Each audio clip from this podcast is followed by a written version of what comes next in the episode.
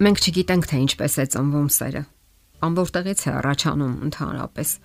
Չենք կարող կոնկրետ եւ սպառիչ պատասխան տալ այն հարցին, թե ինչ է սերը։ Եվ չնայած դրան,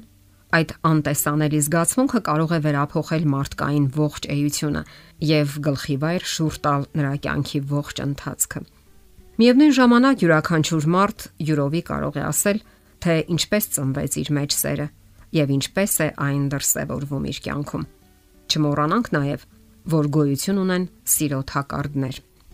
Մարդուն հաճախ թվում է, որ ինքը գտել է նրան, ով իդեալականորեն համապատասխան է իրեն նա այրող սուր զգացումներ է ունենում, որոնք հրդեհում են իր ներսը։ Անսպասելի հանդիպումն ու հույզերի փոթորիկը մի այլ մոլորակ են տեղափոխում սիրահարվածին, եւ նա կարծես մոռանում է ամեն ինչ։ Նրա գիտակցությունը կենտրոնանում է միայն ու միայն այդ մարդու վրա։ Նրա մտքերում այդ մարդն է։ Նա մղվում է դեպի այդ անznավորությունը եւ սիրո այդ տենդը հարկադրում է նրան հավատալ, որ դա իր կյանքի ամենամեծ զգացմունքն է եւ որ իրենք կարող են հավերժ ապրել միասին եւ երբեք հիմնախնդիրներ չեն ունենա։ Սակայն դա հաճախ հանգեցնում է ճակատագրական սխալների եւ ոչ մի տեսակի երջանիկ ավարտ չի ունենում։ Շատերը դրա պատճառով լքում են ընտանիքները, թողնում են առաջին ամուսնությունը, երեխաներին եւ անխոհեմ արարքներ են թույլ տալիս։ Եվ երբ անցնում են առաջին հրապուրանքները, դյութանքները, Սիրահարները մի տեսակ ամայություն եւ ներքին դատարկություն են զգում։ Մի անգամից ասենք, որ սերը կույր չէ։ Սիրո մասին զրույցներում շեշտը հաճախ է դրվում այսպես կոչված սիրո փայլատակումների կամ ինքնաբուխ դրսևորումների վրա, որպես թե սերը կույր է եւ չի ենթարկվում տրամաբանության կամ գիտակցության կանոններին։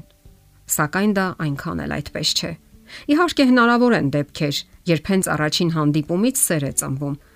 նաև երջանիկ ավարտ է ունենում։ Սակայն դրանք ոչ թե կանոն են, այլ բացառություն։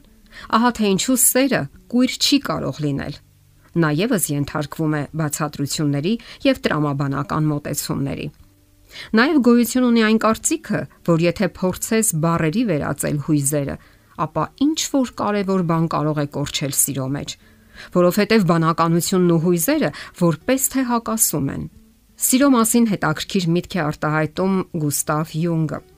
Հիշողություններ, երազներ, մտորումներ գրքում։ Ես բազմիցս զբաղվել եմ սիրո խորհրդին եւ երբեք չեմ կարողացել բացատրել, թե ինչ է այն ներկայացնում իրենից։ Նրա մեջ կենտրոնացած են մեծագույնն ու փոքրագույնը, հերավորն ու մերձավորը, բարձրագույնն ու խորագույնը, եւ մենք չենք կարող խոսել կողմերից մեկի մասին անտեսելով հակառակ կողմին։ Մարդը կարող է ամենատարբեր անվանումներ գտնել սիրո վերաբերյալ ու մտածել, սակայն դա միայն անսահման խափեություն կլինի։ Մենք հաճախ այսպիսի արտահայտություններ ենք լսում. լսիր սրտի ձայնին, սերը կույր է կամ սերը չար է, սրտին չես հրամայի եւ այլն։ Սիրո մասին խոսելիս երբեմն օգտագործում են ինքնաբուխ կամ պայծառեցում արտահայտությունները եւ սրանք բոլորն էլ արտացոլում են այն կանխակալ մոտեցումը, որ հանկարծակի մտքերը կամ հույզերը արտացոլում են մեր իսկական էությունը։ Սակայն սիրո եւ առողջ հարաբերությունների հիմքում միտքը պետք է հավասարակշռի ենթագիտակցությանը։ Ինքնաբուխ երևույթը պետք է համադրվի նախորոք մտածված դիմասինի ուժեղ եւ թույլ կողմերի վերաբերյալ խոհուն վերլուծությունների հետ։ Միայն այս ձևով է հնարավոր մոտենալ մեր սիրո իսկական էության անկալմանը եւ հարաբերությունների բնույթը հասկանալուն։ Եվ սա կօգնի, որ երիտասարդները հապճեպորեն իրենց երևակայության մեջ չհորինեն հերթական հերոսին եւ առաջին իսկ հնարավորության դեպքում չձևեն այն որևէ մեկի վրա եւ սիրահարվեն։ Նման ռոմանտիկ հերոսները իրականում շատ արագ են պսակազերծվում եւ հիասթափությունն ու հոգեբանական անկումը շատ արագ ու խոր է լինում։ Միայն հույզերը չէ, որ դեր են խաղում սիրահարվածության մեջ։ Երիտասարդական հրապուրվածությունը ունի իր ֆիզիկական կողմը։ Սեռաբան Նատալիա Ստենյաևան գրում է. Մեր մարմինը ավելի արագ, քան բանականությունը հասկացնել է տալիս մեզ, որ եկել է մեր սերը։ Երբ մարդը սեռական լարվածություն է զգում, երբ նրան դուր է գալիս երկար ժամանակ լինել այդ մեկի կողքին, հպվել նրան, երբ նրանք դառնում են անկալ միմյանց մարմնի շարժուձևին, վարքագծին, խոսքերին եւ անգամ բույրերին, մարդն իմանում է, որ սիրում է։ Եվ սակայն նորից նշենք, որ սա հարաբերությունների սկիզբն է եւ ամեն ինչ պետք է անցնի մտքի վերլուծության բովով, որովհետեւ ժամանակի ընթացքում նույնիսկ ամենակրկոտ սիրող ամուսինները նկատում են, որ սեռական հակումը նվազել է եւ սեռական հարաբերությունը դադարել է կյանքի նշանակալի մաս լինել։ Եվ ինչպես նկատում է ֆրանսիացի հոգեվերլուծաբան Ֆրանսուଆ Զադոլտոն, մարմինների ձգողականությունը նույնպես առանց պայմանի սիրո ապացույց չէ։ Եվ այնուամենայնիվ, բազմաթիվ հիանալի ամուսնական պատմություններ եւ սերեր սկսել են հենց առաջին հայացքից։ Դրանց երկարատևությունը կախված է կողմերի ջանքերից, թե ինչքանով են կարողացել նրանք խորացնել իրենց սերն ու հարաբերությունները։ Վերլուծելով եւ վեր հանելով խնդիրները, շարժվել են առաջ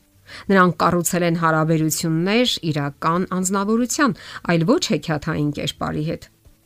Եվ որpիսի հարաբերությունը ապագա ունենա, հարկավոր է, որ կողմերի առաջին մթագնած հայացքին հետևի երկրորդ, ավելի սթափ ու պարզապես երկրային հայացքը,